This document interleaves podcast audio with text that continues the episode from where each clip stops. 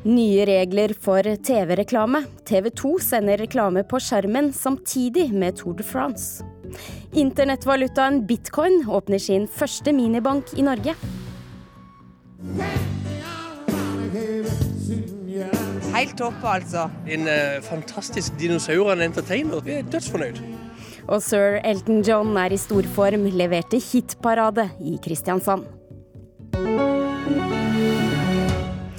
Curlingforeldre, skrotingen av Jonas Dahlberg som minnestedskunstner og Salvador Dalis farskapssak blir tema i Fredagspanelet litt senere i sendingen. Dette er Kulturnytt, og mitt navn er Stine Tråholt. Velkommen skal du være. Fra og med lørdag blir det lov til å sende TV-reklame samtidig som TV-programmene fortsetter å spille på delt skjerm. Oppmykningen av reklamereglene skjer som en tilpasning til EU, og skal for første gang testes ut under årets Tour de France på TV 2.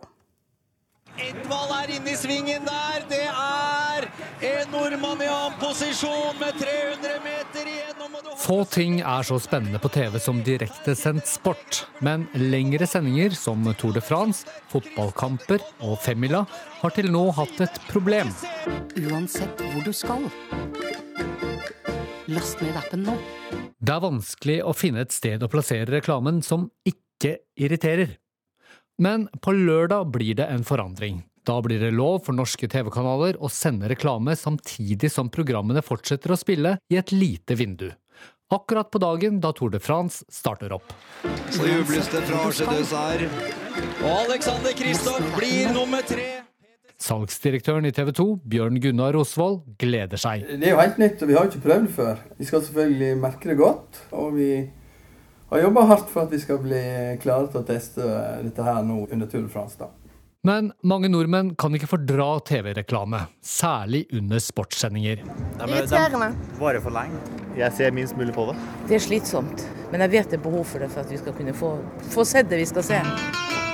We've been picking up some unusual signals. Da TV 2 viste OL i Sotsji i 2014, førte hyppige reklameavbrudd til så mange klager at både Statoil, Toyota og Telenor til slutt måtte ta dem av lufta. Nå er det ikke sånn at bilde i bildereklame betyr slutten på vanlige reklamepauser. Nei, det blir en mulighet som man kan velge å bruke eller ikke. Jarle Talberg fra Group M, som har mange store reklamekunder, tror seerne kommer til å like den nye løsningen. Det å dele skjermen er jo veldig positivt. for Hvis man sitter og ser på et skirenn, femmil eller Tour de France, så kan man fremdeles følge med, samtidig som da TV-kanalen får tilbudt reklame eh, uten å ødelegge for seeren. Det høres ut som en sånn 1. april-greie.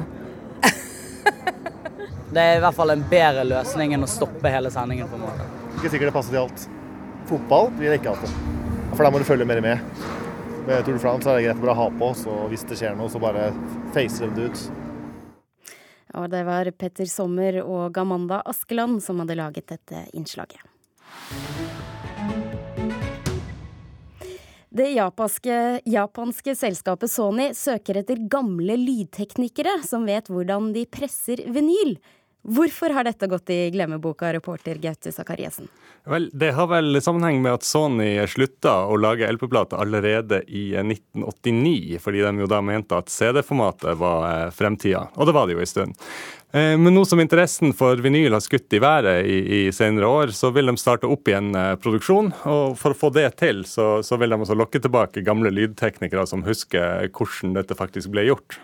Ja, Hvor komplisert er det å lage vinylplater? Det er i hvert fall et mer komplisert håndverk enn å, å eh, produsere digitale lagringsmedier. Altså Lydkvalitet påvirkes av, eh, av dybde på rille og, og, utforming på rille og hvor tett de eh, sitter. Og, og Sony ser nå etter noen som kan lære opp nye generasjoner i dette håndverket. Eh, og Planen er å gi ut eh, plater de sjøl har eh, rettigheter til, og kanskje også produsere vinylplater for andre selskap, siden det er stor etterspørsel etter vinylpresse.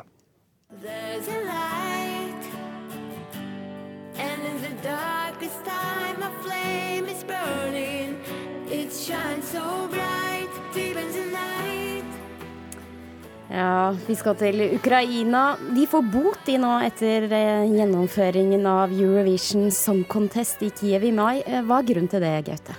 Altså, Som mange kanskje husker, så gjorde konflikten med Russland at artisten Julia Samoilova, som vi hørte her, fikk innreiseforbud. Og det igjen gjorde jo at Russland sto over årets finale. Og I uttalelsen som kom i går, så skriver Den europeiske kringkastingsunionen, EBU, at bråket tok oppmerksomhet fra konkurransen og skada Eurovisions omdømme. Og Det er derfor de mener at den ukrainske kringkasteren UAPBC skal betale 200 000 euro i bot.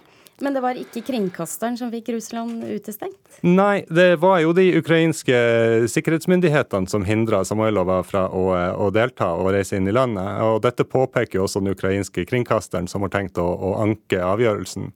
Men EBU mener likevel at arrangøren ikke oppfylte forpliktelsene sine, rett og slett fordi de ikke gjorde nok for å finne ei løsning på denne diplomatiske floken. Tusen takk skal du ha, reporter Gaute Sakariassen.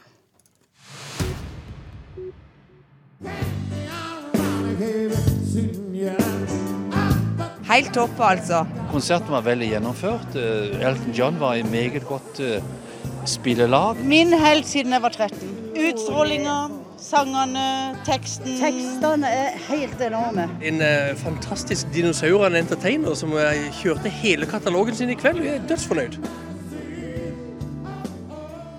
Ja, Tusenvis av mennesker samlet seg på Bystranda i Kristiansand for å høre Elton John i går kveld. Den britiske artisten er på turné i Skandinavia, og lørdag så spiller han på Hamar, for turen går til Sverige. Men i går så var det altså Kristiansand, og vi skal høre litt mer fra denne konserten.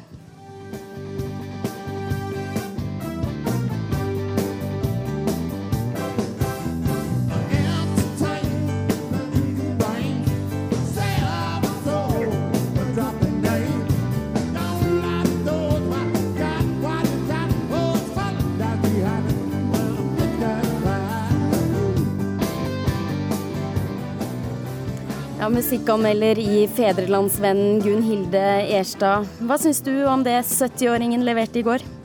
Nei, Han leverer jo som, lever, altså, som en kule. Han eh, gir alt han har, eh, selv i en alder av 70 år. Eh, men det skulle jo bare mangle når han har 50 år bak seg som en skikkelig entertainer.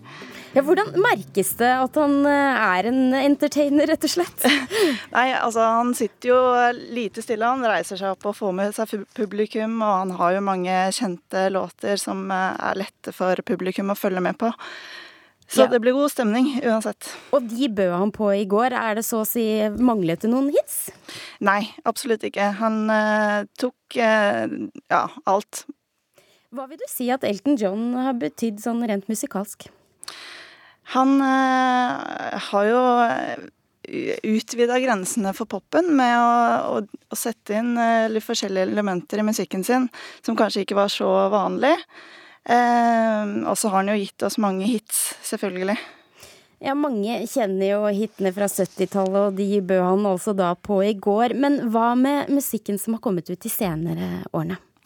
Den har vel ikke akkurat slått så an, så, og du merka jo det greit på konserten i går, da han eh, fremførte to av eh, låtene på det nye albumet sitt. Så var det litt mye prating i publikum. Eh, men selvfølgelig, eh, det er gøy å høre at han fortsatt holder på. Mm. Tidligere i vår så fikk vi eh, høre om avlyste konserter fordi han ikke var i form. Eh, men eh, hva slags Elton John er det vi ser nå?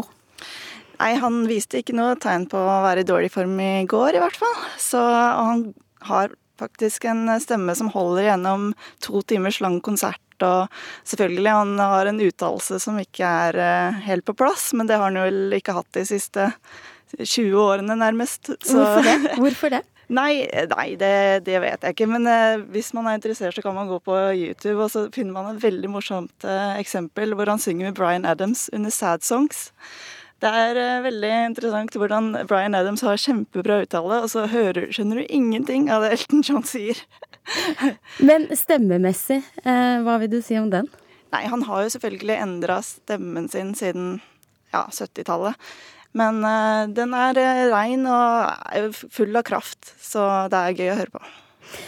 Så hvis du skal oppsummere konserten i Kristiansand, da vil du si beskrive den som?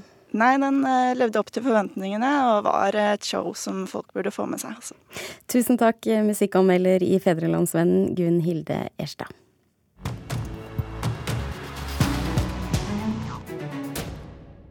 Og da har vi kommet over i hjørnet for teknologi her i Kulturnytt. For i dag så er det sånn at Norges første minibank for såkalt kryptovaluta åpner. Og da snakker vi om digitale penger kalt bitcoin. Penger som du altså ikke kan ta og føle på. Pådriverne for minibanken i Oslo håper nå å gjøre kryptovaluta mer vanlig. Det er veldig nødvendig for at eh, folk skal føle seg trygge på å begynne å eksperimentere med dette. For dette er litt mystisk og vanskelig for mange. Penger som ikke finnes i fysisk format. Torbjørn Bull Jensen er seniorøkonom i Menon Economics og ekspert på kryptovaluta. Dvs. Si valuta som kun finnes digitalt, og som ikke er styrt av noen sentralbank, slik kroner, dollar og pund er i dag. Bitcoin er den mest vanlige, lightcoin er en annen slik valuta. Begge kan du fra i dag veksle til deg i en minibank i Oslo. En slik automat vil gjøre det litt lettere å forstå hva dette handler om, sier Jensen. Man gjør det mulig for helt vanlige personer å ta med seg en hundrelapp, dytte det inn i denne minibanken, få 100 kroner over i en bitcoin-app, og så gå inn på Kaspa, spise spisestedet, og kjøpe seg en øl, kjøpe seg en matrett. Og begynne å leke med denne nye teknologien, da. Kaspa er en kafé og et kontorfellesskap på et lite kjøpesenter i Oslo.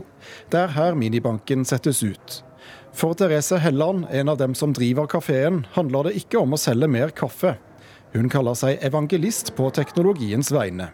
Det ligger mye ideologi bak kryptovaluta. For vår del så er det på en måte å trekke inn mennesker som er interessert i dette pga. de tankene som ligger bak. Eh, mer desentralisering, mer eh, frihet for eh, enkeltmenneskene og de mulighetene som den type teknologi muliggjør for menneskeheten, egentlig. Så langt har kjøp og handel med bitcoin vært forbeholdt entusiastene. Håvard Ostermann i Finansforbundet er en av dem. Han er så engasjert at han tok initiativ til å få på plass bitcoin-automaten. For det å få tak i kryptovaluta har vært en tungvint prosess. Man må registrere seg på en utenlandsk børs. Man må laste opp eh, innskanning av pass og oversende faktura for eh, bevise bostedsadresse osv.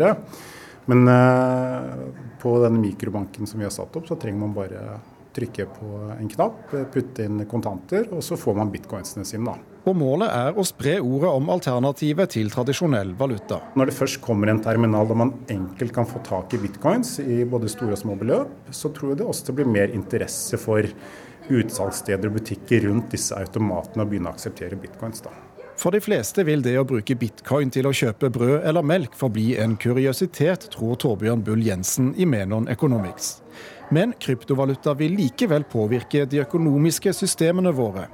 Trenger vi da å bry oss? Det er veldig mye som peker på at bitcoin kommer til å være en sånn veldig endrende teknologi. Som kommer til å være her lenge, som kommer til å ha store effekter, tilsvarende som internett. Så kan man spørre seg om folk trenger å bry seg om internett. Jeg vil jo si ja, som en opplyst borger, at dette er ting man må sette seg inn i. Og betaling er en veldig viktig del av samfunnet vårt. Eh, måten vi styrer transaksjoner og hva man kan og ikke kan kjøpe, er en viktig del av eh, politikken. Eh, men en del som kanskje for få bryr seg om, og som kanskje flere kan begynne å bry seg om. Nettopp pga. den blesten som skapes rundt kryptovaluta. Reportere Thomas Alverstein Ove og Hans Olav Riise. Og her i Kulturnytt så er nå klokken blitt 17, over, 17 minutter over åtte, og dette er hovedsakene i Nyhetsmorgen nå. Norge dumper i internasjonal rangering, bl.a. fordi vi har for dårlige topputdanninger. Kampen mot IS går inn i siste og avgjørende fase, ifølge irakiske myndigheter. Og fra og med i morgen så kommer de gusjebrungrønne sigarett- og snuspakkene i butikkhyllene. Målet er å få flere til å la være å begynne med tobakk.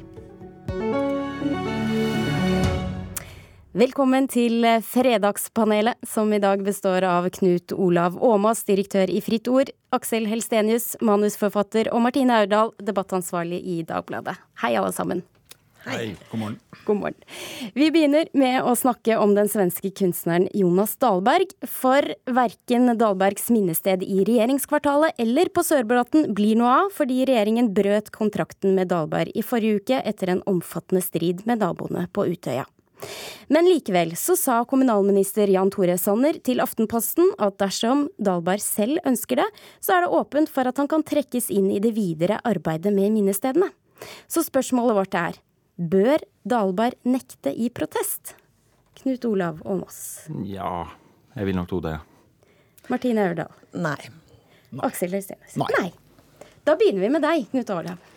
Det ser jo ut som slaget er tapt for Dahlbergs eh, strålende prosjekt, som jeg hadde sans for fra første gang jeg så det. Jeg hadde gleden av å åpne utstillinga for tre år siden, da han, eh, da han uh, først presenterte det. Og har fulgt det tett. Nå er KORO, altså Statens ekspertorgan for kunst, og Kulturdepartementet satt til side, så, og regjeringen har altså vraka både Sørbråten minnestedet og løsningen i regjeringskvartalet, så det spørs om det er noe mer for Dahlberg å tilføre her. Og synd er det. Det er grunn til å være litt bekymra, så mange er nå, for kunstens plass i den offentlige offentligheten. Mm. Men Martine, hvorfor bør han kaste seg på fortsatt? De har jo brutt kontrakten med han, da, regjeringen. Ja, jeg er jo enig med Knut Olav i at det er først og fremst uendelig trist. Og det jeg har sett den saken, er en privatisering av uh, sorg for et nasjonalt traume som, uh, som, jeg mener er helt uverdig. Så naboene som nå har fått så stort gjennomslag at de har overprøvd uh, både faglige instanser og, og det som kunne ha blitt to helt nydelige minnesmerker, blir ingenting av. Når jeg svarer nei på spørsmålet, så er det rett og slett fordi jeg ikke tror at boikott uh, som protestaksjon vil ha noen som helst effekt i, i, denne situasjonen, og at nå bør egentlig alle gode krefter trå til for å sikre at det skal bli i hvert fall en uh, kunstnerisk og kraftig utforming av disse minnesmerkene, som nå da ligger an til å bli lavmælte, og som jo står i fare for å bli en slags bauta fra Statsbygg eller noe sånt, så vidt jeg har forstått. Og det er det ingen som er tjent med. Men hvis de ikke er helt enige da, om veien videre, er det så lett da? Aksel, du svarte nei, du òg. Ja, jeg svarte nei også, fordi jeg syns jo ikke dette handler om protest, det handler jo om juss. Og som, som, kunstner så jeg prøver å liksom se prøve å forstå hvordan han har det. Og jeg tenker at ja, vi sier at Dahlberg er en kunstner, det er han, men han er jo også i denne sammenheng et entreprenørselskap. Han skulle jo liksom ikke stå alene med en sag og sage vekk all den steinen bort på Sørbråten. Han har jo kontraktert masse, masse folk. Så han er som en ganske stor entreprenør, egentlig. Med, med, folk som skal lønnes. Han skal lønnes, de skal lønnes. Det er en kontrakt som, som ikke blir noe av. Masse penger som ikke blir noe av. Dette her er superviktig. Altså for oss som kunstnere så er jo dette kjempeviktig. Hvordan skal, det, hvordan skal man forholde seg til dette her? Du kan ikke protestere og si at nei, jeg gidder ikke å få noe jobb, jeg gidder ikke å tjene noe mer penger. Så jeg er utrolig opptatt av at dette også, fra hans side, da, er en type jobb. Og jeg syns jo Jeg tipper at han kommer til å si nei. Jeg tror ikke han har så mye mer å tilføre. Og med tanke på hvordan staten har behandlet dette. Og så lurer jeg på hva Sanner mener. Skal han konkurrere på nytt? Eller får han en høyt lønnet jobb som konsulent? Ja, og jeg ser det heller ikke som noen boikott eller protest hvis han ikke blir med videre. Det er vel heller en, bare en høflighetsgest fra Sanner at han åpner for at Dahlberg kan bli med. Men alt Dahlberg har gjort, er jo vraker. Og, og synd er det. Det er jo også bare noen naboer som har protestert ute ved Utøya. Og det er klart, eh, minnesmerker over traumatiske hendelser vekker følelser. men de lever jo med selve Utøya der ute hver eneste dag, så, og det greier de tydeligvis.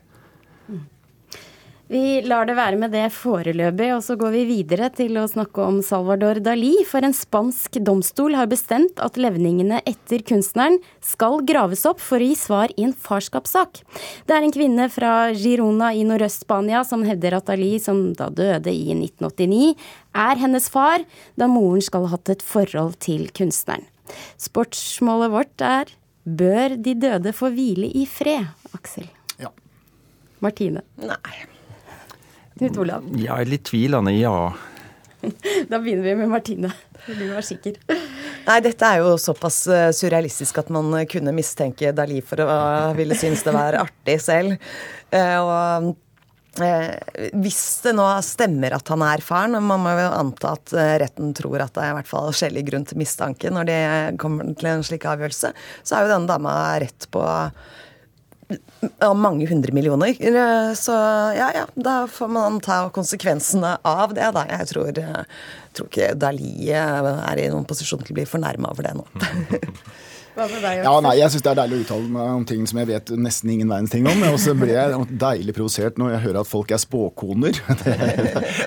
Ja, for denne kvinnen er altså små, Hun er rett og slett i spåkone i Mhm. Girona. Det, ja, ja, jeg, da tenker jeg det er klart at det her handler om griskhet, som Martine er inne på, men det handler jo helt sikkert også om ønske om berømmelse.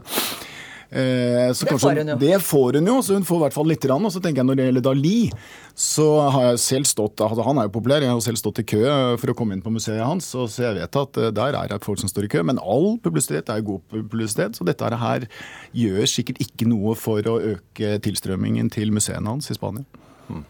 Jeg håper jo både den spanske domstolen og andre domstoler har høy terskel for å eh, begynne å grave opp eh, avdøde. da.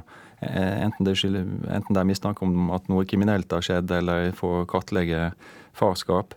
Så jeg håper jo at eh, det, det, det ikke bare skjer automatisk her, men eh, det, er en selsom sak.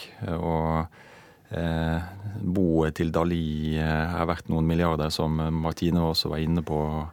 Det, det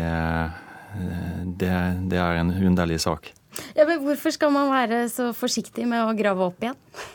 Nei, fordi når, når folk er døde og, og gravlagt, så, så, så har det med respekt og, og verdighet å, å gjøre også. Mm. Og hensynet til, eh, til eh, familie og eventuelt gjenlevende, gjenlevende nærstående.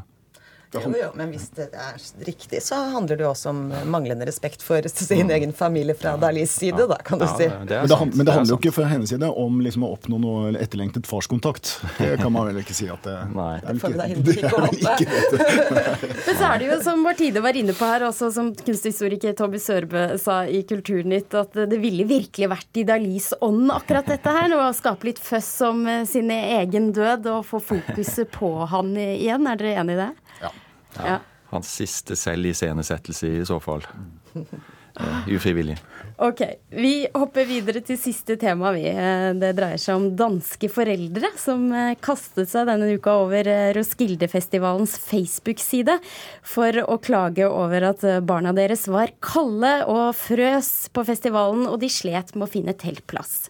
Og ifølge festivalen selv så har det de siste årene blitt mer vanlig at foreldre klager på vegne av barna, og varter dem opp under festivalen med mat og kommer med mat og kjører og henter. Så spørsmålet vårt er da er det bra at foreldre passer på barna sine under festivalen? Nei, men. Ja. Absolutt nei. Kvadruppel nei. ok, da får du begynne med den argumentasjonen. Nei, altså Hvis man først mener at eh, ens barn og ungdom er, er voksen nok til å reise på festival, så da må man eh, gi slipp. Og eh, å være på festival, også en så stor eh, som Roskilde, er jo ikke å, å bo på et eh, hotell med flere stjerner. Så, så det, er, det er nok et utslag av overbeskyttende foreldre, dette her, tror jeg. Men det har ført til et morsomt stunt. Folkekirkens Nødhjelp i Danmark har jo starta en SMS-aksjon der de oppfordrer folk til å eh, SMS-e, og da vil 20 kroner bli, bli overført til, eh, til eh, fattige andre steder i verden. Og, og den annonsen er utstyrt med et bilde fra Roskilde, men som ligner, ligner sånn litt humoristisk på en, i, eh, på en flyktningeleir. Eh, Det er en, en herlig satire over En herlig måte å ta det på. Satire over, over foreldre som eh, må gi slipp, rett og slett. Føler du deg litt truffet nå, Martine? Nei, altså som eh, Knut Olav redegjør for, så har det jo ført noe godt med seg.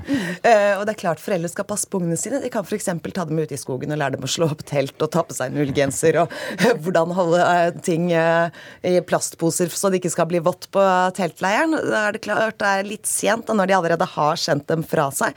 Men, men ja, nei, det har fått en eh, positiv effekt i form av eh, ganske mye penger til de faktiske flyktningene. Så Men du syns likevel at det er bra at barna passer på barna sine Eller foreldrene passer på barna sine under festivalen? Det er jo selvfølgelig bare komisk at de driver og klager til eh, Roskilde-festivalen på den båten der. Jeg håper de ungene blir skikkelig alle og våte og lærer å kle på seg godt Det gang.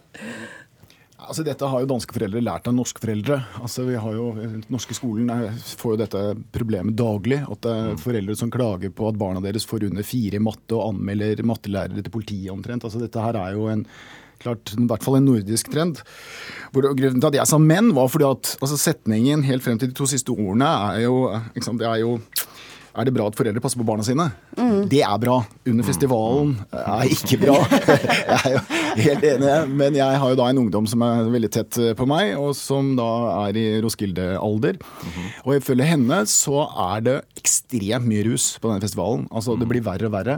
Og hun har tatt et standpunkt at jeg, er, jeg vil ikke være der.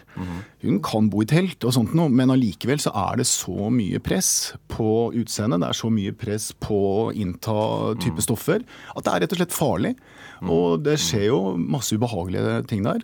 Og jeg tenker på at de foreldrene som vet at barna som Martine sier, altså barna har aldri vært speidere. De kan rett og slett ikke bo i telt. De kan ikke ta på seg en ullgenser. De vet ikke hva gummistøvler er. Så de folka der, de må jo passes på. Og da mener jeg at du, hvis du er foreldre og ikke gjør det, så gjør du en dårlig jobb. Ja, Hvilken måte kan du passe på barna dine da? Nei, det Altså Egentlig så burde det jo selvfølgelig være sånn at Og sånn var det jo, tror jeg, ganske ofte. Du har jo vært der, Martine. Men altså at foreldre var sammen med barna sine på festivalen. Mm. Det, en periode så var det det. Og det er jo blitt mindre og mindre og mindre av. Ja, Er det en god idé, egentlig? Ja, jeg syns jo det. Jeg har tenkt å ta med barna mine på øya. Vi skal ikke bo i telt der, men vi skal nå i hvert fall ha kvalitetstid, forhåpentligvis. Mm. Ja, jeg vet ikke, jeg er fremdeles litt bitter på mine foreldre fra den gangen jeg var 16 år og sto på Oslo S og så venninnene mine kjøre av gårde. Og jeg var så lei meg for jeg ikke fikk lov til å være med, at venninna mi sin mor foreslo at bare dra du, Martine, jeg skal gå og fortelle det til Eva og Leon etterpå. Jeg gjorde ikke det, da, men eh, men jeg tror ikke noen egentlig egentlig har så fryktelig vondt av å ligge i gjørme i noen dager, jeg, altså. Da lar vi det bli med det, for vi må avslutte Kulturnytt. Eh, fra mandag så går Kulturnytt og Nyhetsmorgen over i sommermodus, og da sender vi fra syv til ni. Tusen takk for at dere var med i Fredagspanelet i dag, produsent Thomas Alvarstein Ove.